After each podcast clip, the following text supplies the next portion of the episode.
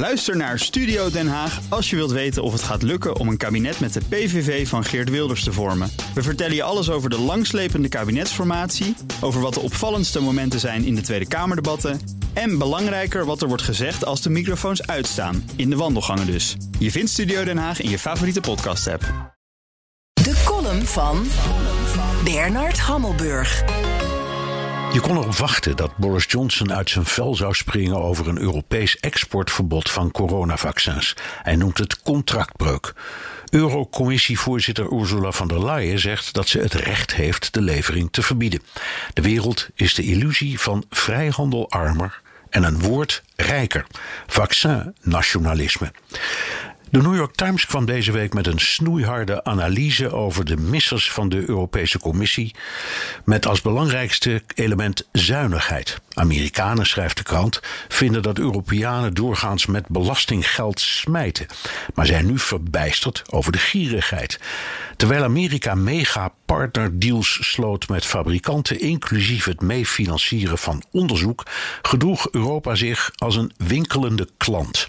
EU-vaccinonderhandelaar Sandra Galina erkent dat ruidelijk tegenover de New York Times. Het gaat hier om geld van de belastingbetaler. Als productiepartner, zoals de Amerikanen, kun je een vuist maken tegen de producenten, wat president Biden dan ook doet. Als klant, zoals de EU, ben je machteloos als een fabrikant niet op tijd of te weinig levert. In dit geval AstraZeneca. Intussen hebben de Britten 40% van de bevolking ingeënt, de Amerikanen 23% en de Europeanen 12%. Nederland nog een stuk lager. En dus is de Europese boodschap dat de Nederlandse vestiging van AstraZeneca haar contractuele verplichting aan het Verenigd Koninkrijk niet mag nakomen en eerst uitsluitend aan de EU moet leveren. Ursula verwijst naar artikel 122 van het EU-verdrag dat gaat over acute tekorten. Nee, ik had er ook nog nooit van gehoord. Maar dat Boris woest is, ligt voor de hand. Alleen vergeet Boris dat hij in januari, toen deze kwestie al speelde, zelf een exportverbod oplegde voor ruim 100 geneesmiddelen die essentieel kunnen zijn bij de behandeling van coronapatiënten. De pot verwijt de ketel.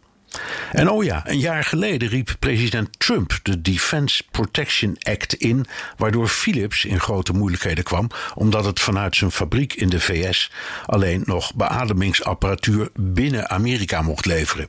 En opvolger Biden gebruikt die wet om de productie van het Janssen-vaccin te versnellen, gedeeltelijk in Nederland gemaakt, maar misschien voorlopig alleen beschikbaar voor Amerikanen.